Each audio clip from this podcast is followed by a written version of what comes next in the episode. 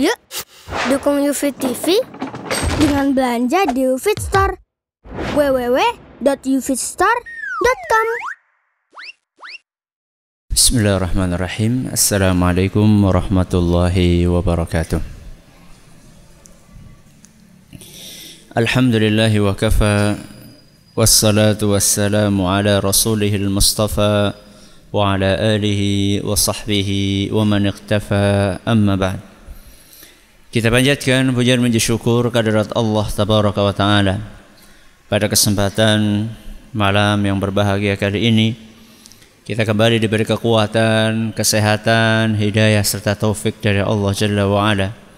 Sehingga kita bisa kembali menghadiri pengajian rutin mengkaji akhlak dan adab di Masjid Jenderal Sudirman Purwokerto ini. Kita berharap semoga Allah Subhanahu wa taala berkenan untuk melimpahkan kepada kita semuanya ilmu yang bermanfaat sehingga bisa kita amalkan sebagai bekal untuk menghadap kepada Allah Jalla wa Ala.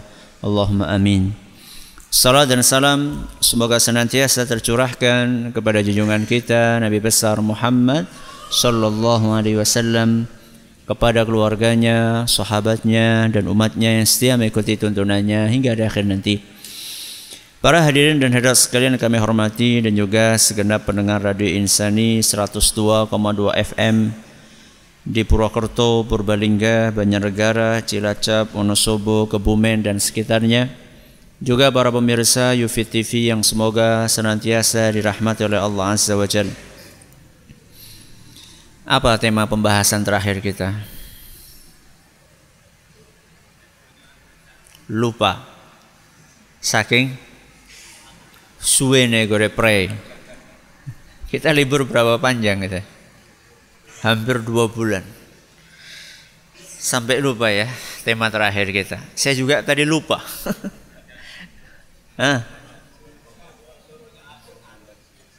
Oh iya, itu tema tema tem, itu tematik menjadikan uh, Ramadan sebagai bulan Al-Qur'an, bukan tema akhlak. Mengantar jenazah, Masya Allah, Alhamdulillah. Jadi saat itu kita telah sampai adab yang keenam dari adab mengantar jenazah dan itulah pembahasan tentang hak sesama muslim yang keenam. Ya yaitu apabila saudaramu meninggal dunia maka antarkanlah jenazahnya.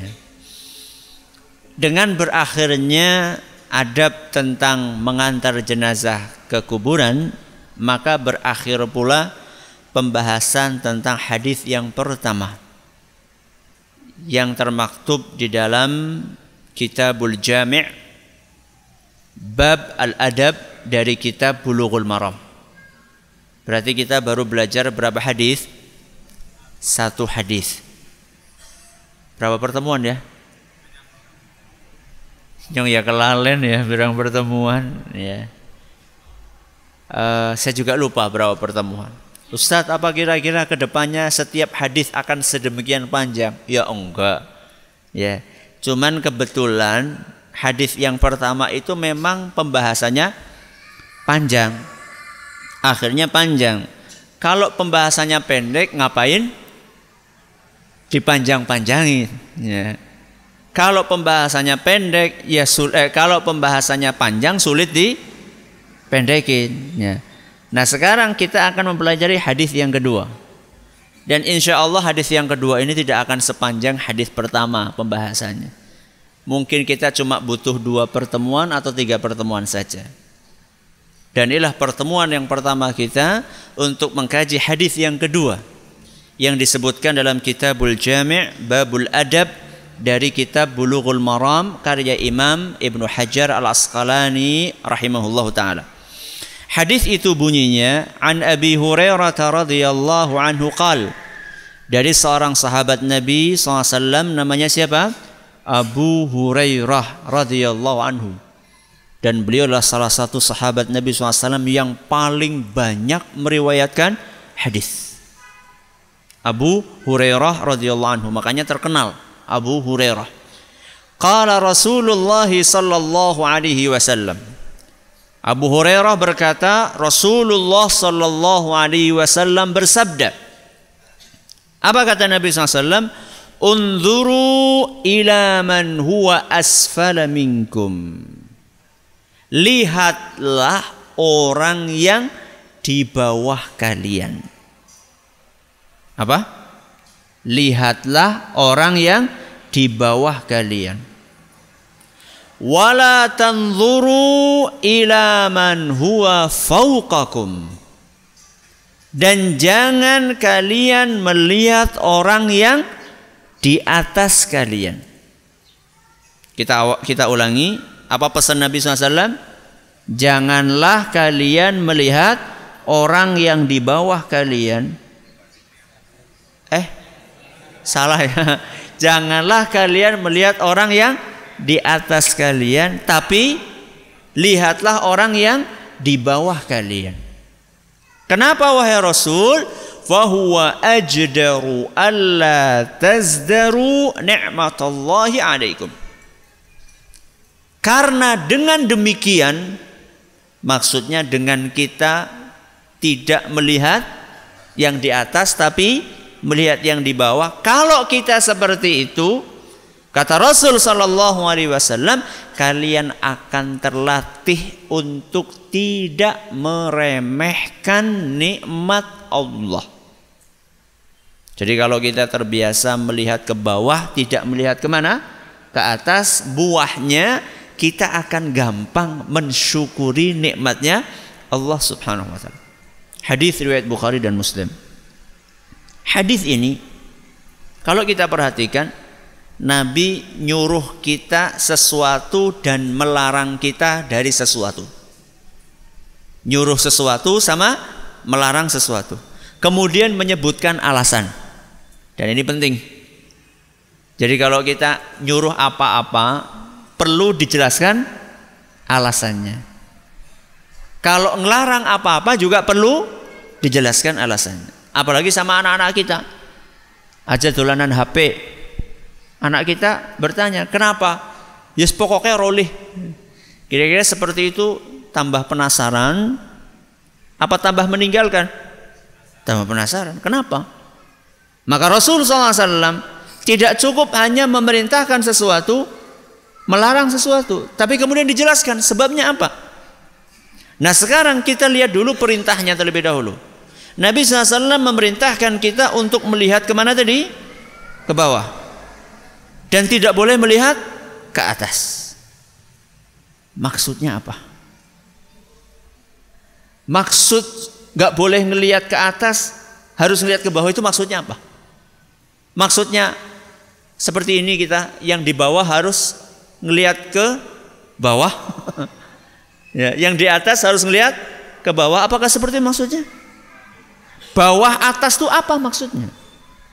Yang di lantai dua harus ngelihat Lantai satu, lantai satu nggak boleh ngelihat ke lantai dua. Apakah itu maksudnya? Di sini masih global. Rasulullah SAW dalam hadis ini masih global menyampaikan hadisnya. Jangan kalian lihat ke atas, lihatlah ke bawah. Apa maksudnya bawah dan atas? Apakah maksudnya di bangunan lantai satu, lantai dua? Atau maksudnya mungkin dalam hal jabatan jadi yang bos itu suruh ngelihat bawahannya, yang bawahannya nggak boleh ngelihat bosnya. Apa itu maksudnya? Atau maksudnya mungkin masalah istri.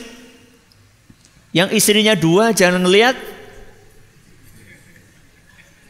Yang istrinya satu, yang istrinya satu jangan ngelihat yang istrinya dua. Apakah itu maksudnya? Atau masalah ilmu. Ustadz nggak boleh ngelihat jamaahnya. Eh, Ustadz suruh ngelihat jamaahnya, jamaahnya nggak boleh ngelihat ustadznya gitu. Apa itu maksudnya? Ini masih global. Hadis Nabi SAW ini masih global. Bagaimana kita mengetahui maksud dari hadis itu? Ini penting sekali. Ya. Jadi ketika kita membaca suatu hadis, kemudian ternyata hadisnya masih global, maka perlu penafsiran. Perlu apa? Penafsiran. Hadis itu ucapannya siapa? Rasul. Kira-kira penafsiran yang paling top itu penafsiran dari siapa? Perkataan Rasul ditafsirkan oleh oleh Rasul sendiri. Itu yang paling top. Kalau itu nggak ketemu, baru dicari perkataannya siapa? Sahabat. Kalau nggak ketemu, baru dicari perkataan muridnya sahabat. Siapa muridnya sahabat? Tabi'in. Nah sekarang Rasulullah SAW ketika menyampaikan hadis ini, ada riwayat lain yang menjelaskan maksud atas dan bawah tadi. Makanya para ulama kita di antaranya Imam Ahmad rahimahullah beliau mengatakan al hadithu idza lam tajma' turuqahu lam tafhamhu. Kalau kalian nemu hadis kemudian hadis itu tidak kalian kumpulkan riwayat-riwayatnya kalian nggak akan paham maksud hadis tersebut. Apa kata beliau? Kalau kita nemu hadis kemudian kita nggak kumpulkan riwayat-riwayat hadis tersebut, kalian nggak akan faham. Kenapa? Wal hadithu yufassiru ba'duhu ba'dha. Karena hadis satu riwayat akan menafsirkan riwayat yang lainnya. Ustaz, kita ketemu hadis kayak gini. Riwayat yang lain di mana Ustaz? Di mana kira-kira? Sebelum kita tanya di mana, riwayat itu apa sih Ustaz? Kok ada hadis riwayatnya banyak? Kenapa banyak? Bukankah yang ngomong cuma satu? Kenapa riwayatnya banyak? Ada yang bisa menjawab? Yang bicara cuma satu. Siapa itu? Rasul. Kenapa riwayatnya bisa banyak? Karena yang mendengar banyak. Sekarang coba, saya menyampaikan pengajian seperti ini. Kira-kira panjenengan semuanya ini 100% memahami atau ada yang Pira? Ya aja 10 lah. Kesedidikan lah. ada yang 80, ada yang berapa? 60, ada yang seket, selawe, selawe dan sing ngantuk dan ya. Macam-macam. Nah, sahabat juga seperti itu kira-kira. Ada yang menangkap perkataan Nabi seperti ini, ada yang menangkap sepotong ini. Nabi SAW itu pernah ngisi pengajian suatu saat disebutkan dalam sebuah hadis yang sahih ada dalam sahih Muslim Rasulullah SAW pernah ngisi pengajian ba'da subuh sampai zuhur. Sampai zuhur. Setelah zuhur ngisi lagi. Sampai asar. Habis asar ngisi lagi sampai maghrib. Kuat ora? Sapane Ustadz Jamaah Pak Ustadz? pada pada orang kuat. Ini yang berbicara Rasulullah SAW, yang mendengarkan siapa? Sahabat. Kira-kira capek nggak yang bicara itu? Yang jadi guru, jadi ustadz akan tahu bahwa ngisi, ngajar itu bisa lebih capek daripada macul. Macul. Kenapa? Ustaz kan kerja gongtok Ustaz macul kan? Kayak Ustaz kan duduk kemudian kursinya apa? Empuk anak wedange anak kipase ngisore karpet empuk Ustaz antar jemput pakai mobil. Capeknya di mana? Di mana capeknya? Kesel. Mikir. Mikir itu kesel.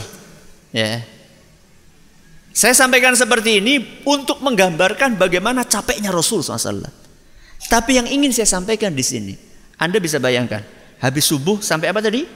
Duhur. Ngaso sholat tok. Habis sholat mungkin satu lagi pada puasa ya mungkin ya. Di, di situ diceritakan habis sholat zuhur labuh maning sampai asar. Habis asar mulai lagi sampai maghrib.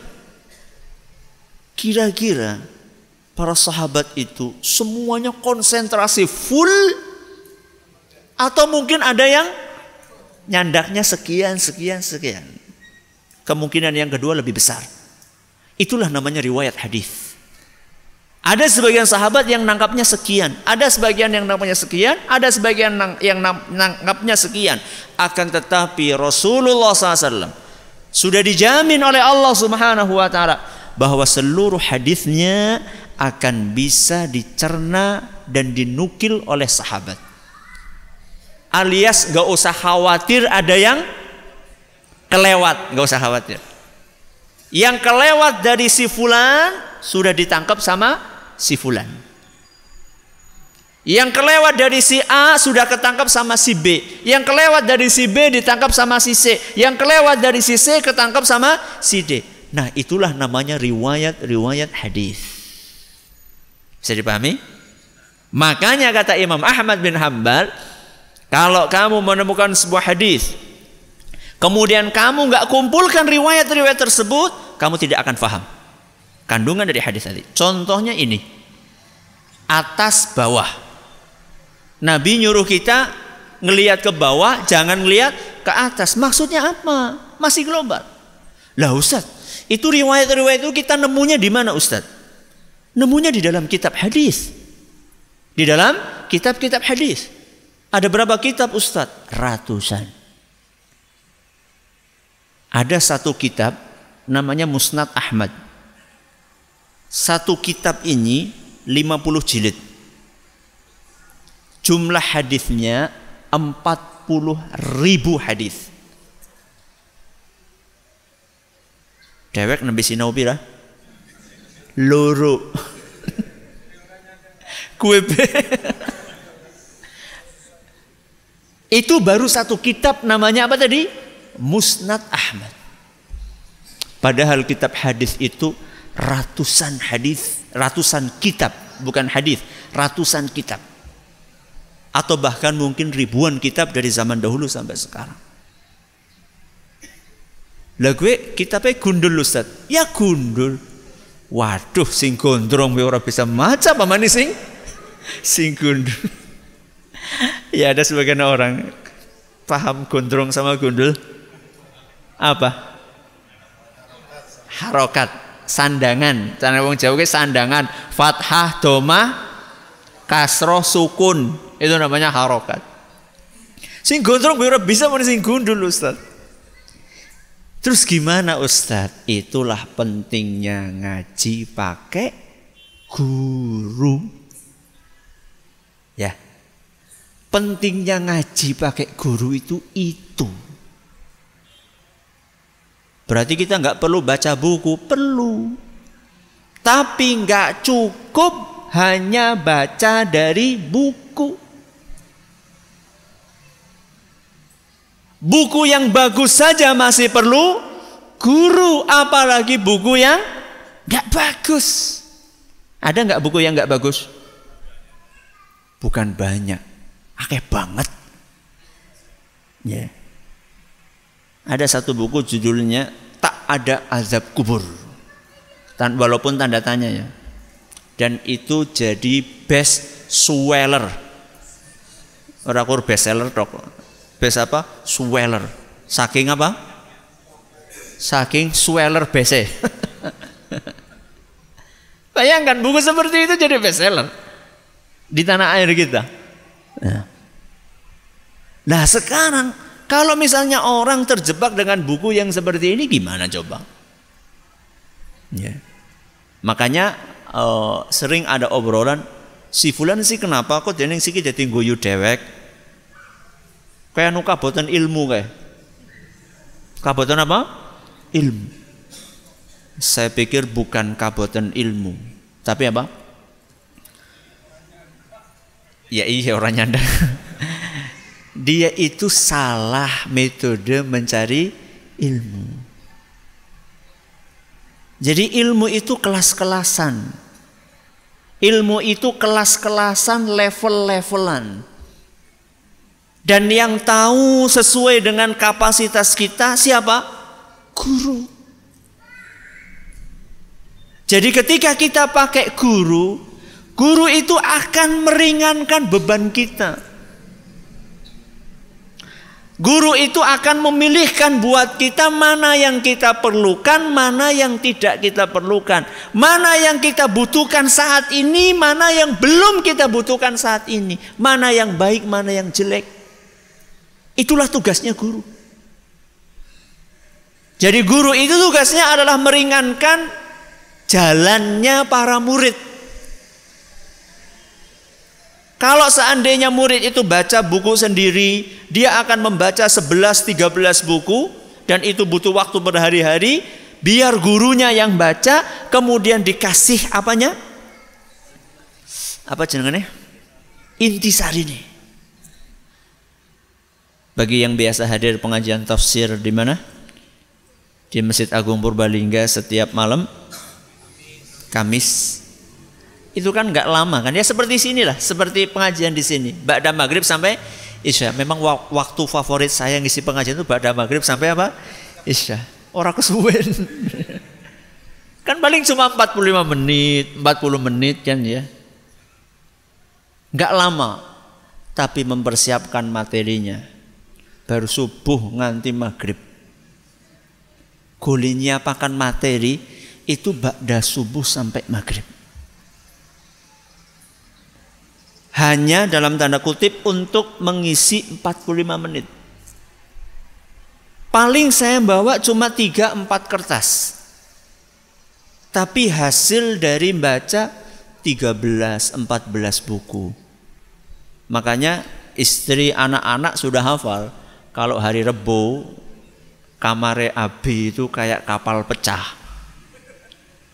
Jadi kitab nung kono nung kene ana sing dur meja, ana sing kasur, ana sing bantal, ana sing nanti tidur itu kadang-kadang bingung ki kasur sing. Geser-geser dulu baru bisa siang-siang itu istirahat. Tugasnya guru itu itu meringankan bebannya murid. Lah gue nek gurune bener ya iya Ustad. Nek gurune ora bener, lah gue mulane milih guru pun juga harus hati-hati harus selektif di dalam memilih guru. Makanya seorang ulama namanya Muhammad ibnu Sirin, beliau mengatakan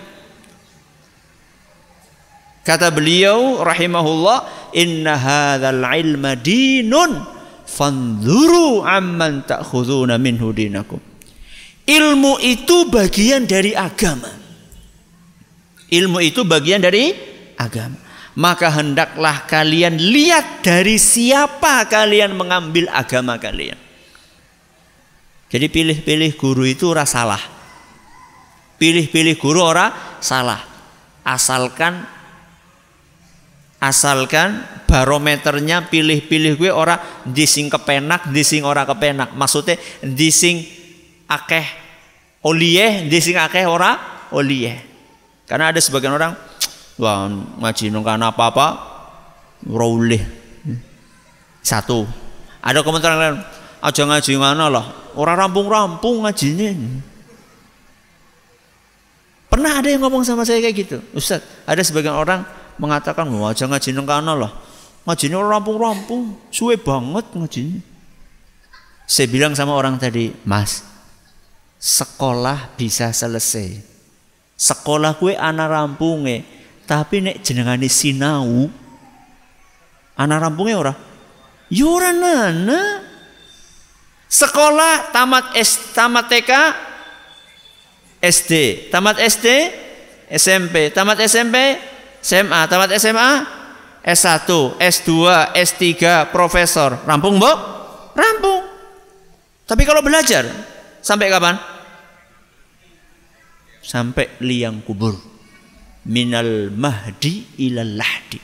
Dari buayan sampai liang lahat jadi gimana nih Ustaz kesimpulannya? Kesimpulannya hadis yang tadi kita baca itu adalah riwayat Imam Muslim. Sedangkan di dalam riwayat Bukhari dan Muslim itu ditafsirkan maksud atas dan bawah itu apa saya bacakan redaksinya Imam Bukhari dan Muslim. An Abi Hurairah radhiyallahu anhu an Rasulillah sallallahu alaihi wasallam qala dari Abu Hurairah radhiyallahu anhu dari Nabi sallallahu alaihi wasallam beliau bersabda Idza nazara ahadukum ila man fuddila alaihi fil mali wal khalqi Seandainya kalian pengin melihat orang yang melebihi kalian dari harta dan fisik Jadi apa? Harta dan fisik falyanzur ila man huwa asfala minhu. Hendaklah dia melihat orang yang di bawahnya. Dari sini kita bisa ambil kesimpulan maksud atas bawah itu dalam hal apa? Kekayaan dan fisik tubuh. Jadi kalau kita itu pengen syukur, kalau melihat kekayaan, lihat kekayaannya orang yang di bawah kita. Contohnya, nek panjenengan punya sepeda ontel, lihat yang mengendi-ngendi baisikil alias melaku itu kalau kita merasa kulit kita ini sawone sawo kematangan jangan ngelihat teman kita yang putih bagaikan batu pualam Saking apa nih? Saya tapi ya medeni anak putih kayak gini ya. ya. Yang saya putih lah maksudnya putih banget gitu. Jangan lihat orang yang putih, tapi ngelihat yang sawo anu masa sawo bosok? Memang ada subhanallah orang yang subhanallah. Saya itu ketika kuliah di Madinah ada sekitar 140 negara teman-teman. Dan di antara benua yang cukup banyak itu benua Afrika Afrika itu gak satu negara kan ya kayak benua Asia kan gak satu negara saya tuh kadang-kadang heran sama sesama orang Afrika ada sesama Afrika Afrika manggil temannya Afrika apa panggilannya Ya aswad. Apa ya aswad? Eh, kulit hitam. Anda bisa bayangkan, orang Afrika manggil temennya sesama Afrika, manggilnya apa? Hitam. Berarti kan sing nyeluk apa orang ireng? Ireng tapi sing diceluk lebih hitam. Ini maaf ini bukan dalam rangka untuk apa? mengolok-olok bukan. Tapi ini kita ingin bicara bahwa fisik orang itu beda-beda. Ada yang memang dikaruni oleh Allah, masya Allah kulitnya, tabarakallah. Ada yang juga kulitnya sampai kalau nggak pakai kaos kaki itu ya kayak pakai kaos kaki. Iya, serius saya nggak bohong. Ada sebagian orang Afrika nggak pakai kaos kaki itu kayak pakai kaos kaki, saking saking hitamnya. Nah, kalau memang kita ditakdirkan oleh Allah punya kulit yang saya katakan tadi, kulitnya apa? Sawo kematangan. Jangan melihat orang yang kulitnya, Allah, lihat orang yang kulitnya di bawah kita. Ini perintah dari Nabi Shallallahu Alaihi Wasallam. Fisik sama kekayaan, ya mobil, makanan. Hari ini ternyata makanan kita lauknya cuma dalam tanda kutip tahu sama tempe. Jangan lihat orang yang lauknya. Mambrak mambrak mambrak gue apa be sate terus apa? Gulai lihat orang yang di bawah kita yang lauknya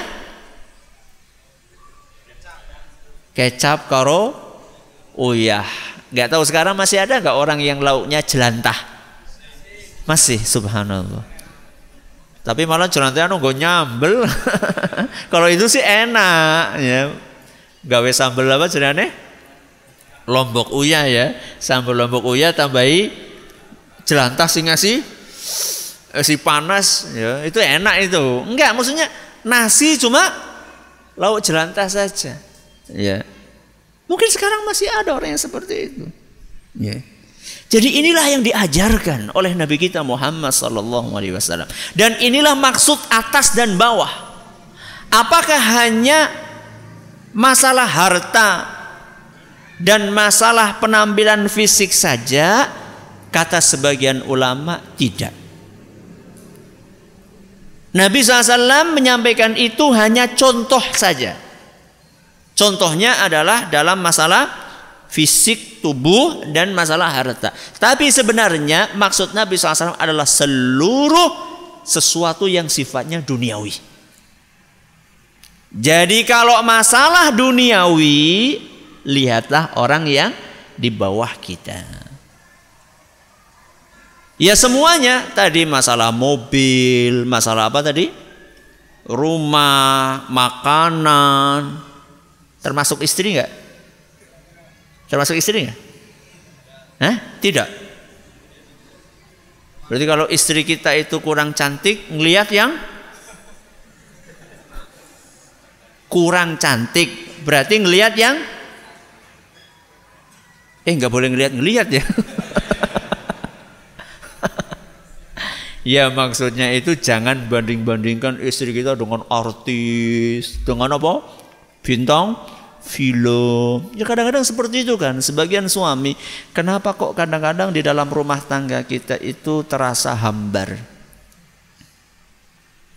Tidak seperti dulu ketika pengantin anyar. Ketika pengantin anyar, masya Allah, tulang-tulangan. Bayangkan tulang-tulangan. Kalau sekarang mengandaikan Allah.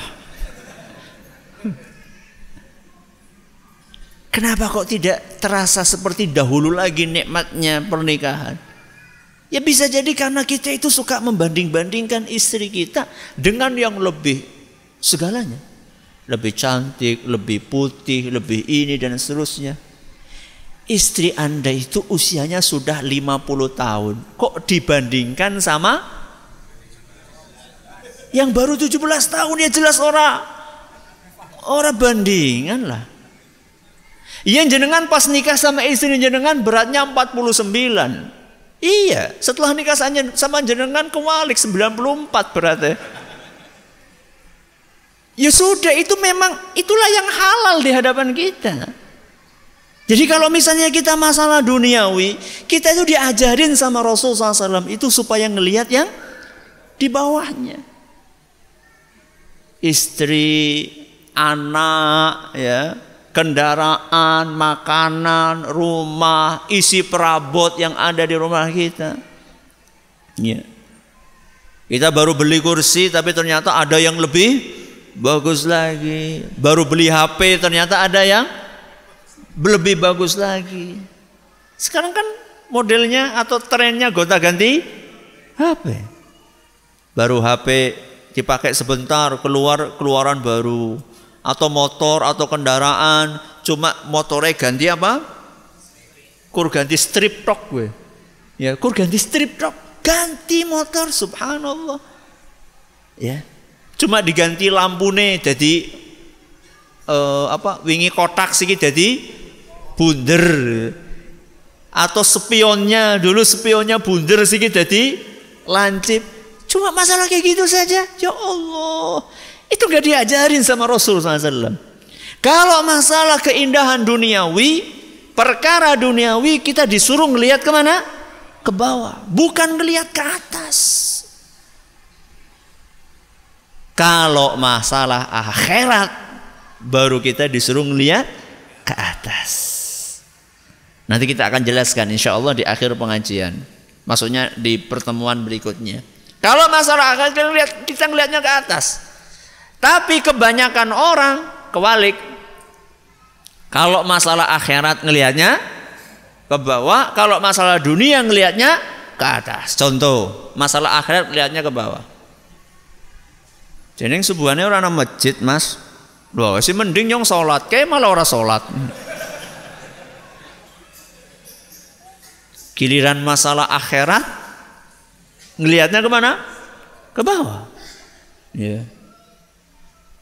Syukur lah, gajinya wis sejuta, iya sejuta, kayak kanca kurang juta. Nah, kalau masalah dunia, ngelihatnya ke mana? Ke atas. Kalau masalah akhirat ngelihatnya ke bawah, nggak benar. Ini salah satu yang membuat hidup kita ini nggak tenang.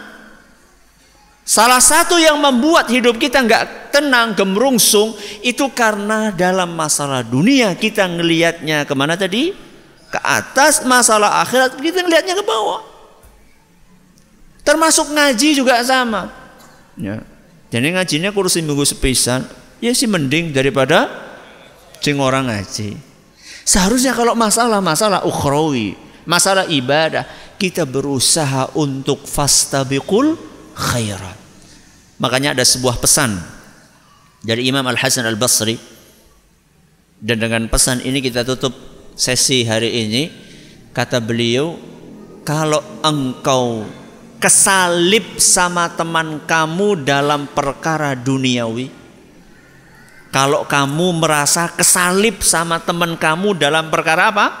Duniawi maka saliblah dia dalam perkara ukhrawi. Apa apa kata beliau kalau kamu kesalip oleh teman kamu dalam masalah duniawi maka saliblah dia dalam masalah ukhrawi. Contohnya kepriwe? Jenengan punya mobil. Lumayan, sudah mobil ya, Masya Allah ya. Katakanlah yang Kijang, Avanza gitu ya. Tahu-tahu temannya beli Fortuner. Jenengan jangan kemudian beli Dure Fortuner apa? Alphard, Alphard atasnya Fortuner ya? Iya. Jangan kemudian jenengan, wah nyong ora gelem kalah. Nyong mau tuku Fortuner, nyong tukune apa? Alphard dhuwure maning. Iya. Jangan. Tapi kalau dia ngalahkan kita dalam perkara duniawi, kejar dia dalam masalah ukhrawi. Kayak kancaku salate nang omah. Aku arep ngalahaken. Salate nang apa? Masjid. Jamaah di masjid. Teman saya sedekahnya ternyata sebulan 10 juta. Saya harus kalahkan dia. Saya akan sedekah sebulan 30 juta. Itu yang seperti itu yang diperintahkan dalam agama kita. Fastabiqul khairat. Ini yang dapat kami sampaikan dan pekan depan insya Allah kalau tidak ada halangan eh pekan depan tanggal berapa? Tanggal berapa? Oh iya libur. Ya waktu itu mlebu sepisan wis libur. Ya, maaf ini saya tanggal 5 Agustus tuh ngisi di Bogor. Mohon maaf sekali. Ini sudah sudah setengah tahun anu ngatur jadwalnya. Jadi mohon maaf sekali. Berarti pekan pekan depan libur lagi kita. Ya libur maning ya. Tapi insya Allah cuma satu pertemuan. Insya Allah cuma satu pertemuan pertemuan berikutnya kita akan ketemu lagi nek esi. Iya kan? Ya iyalah nek ora urip sih ketemu nang kuburan. ya insya Allah.